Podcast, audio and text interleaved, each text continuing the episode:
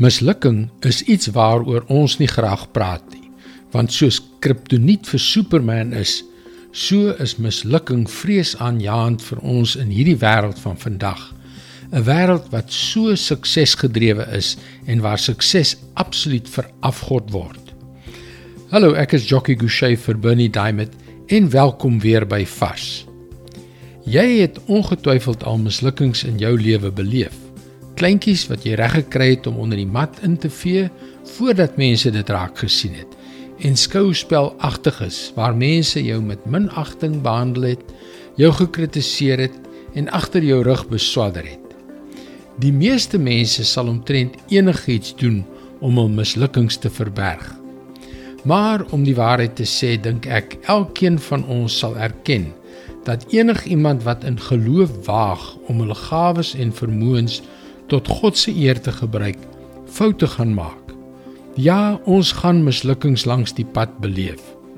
Nou ja, wat doen jy dan? Hoe hanteer jy hulle? Kyk wat die wyse Paulus vir sy disipel Timoteus sê. 2 Timoteus 1 vers 8.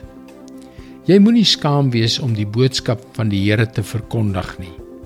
En moet jou ook nie skaam vir my wat om sy ontwil 'n gevangene is nie.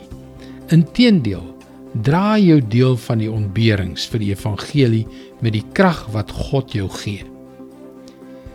Jesus het vir die wêreld soos die grootste mislukking in die hele geskiedenis gelyk toe hy daar aan die kruis gehang het. Maar Paulus sê, moenie skaam wees vir hom nie. Ja, Paulus ou vriend, jy kan maklik praat. Jy is self 'n eendagsvlieg. Jy was selfs in die tronk gewees. Moet jou ook nie skaam vir my nie. En dan verskuif hy die fokus op Timoteus en op ons.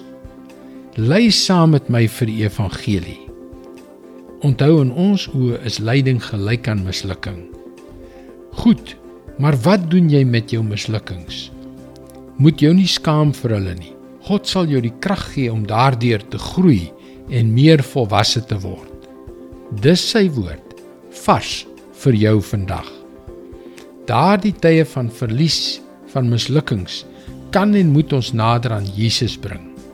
Indien jy na vorige vars boodskappe wil luister, hulle is ook almal op Potgooi beskikbaar. Soek vir vars vandag op Google of op 'n Potgooi platform soos Spotify en luister weer môre op jou gunstelingstasie na nog 'n vars boodskap. Mooi loop. Tot môre.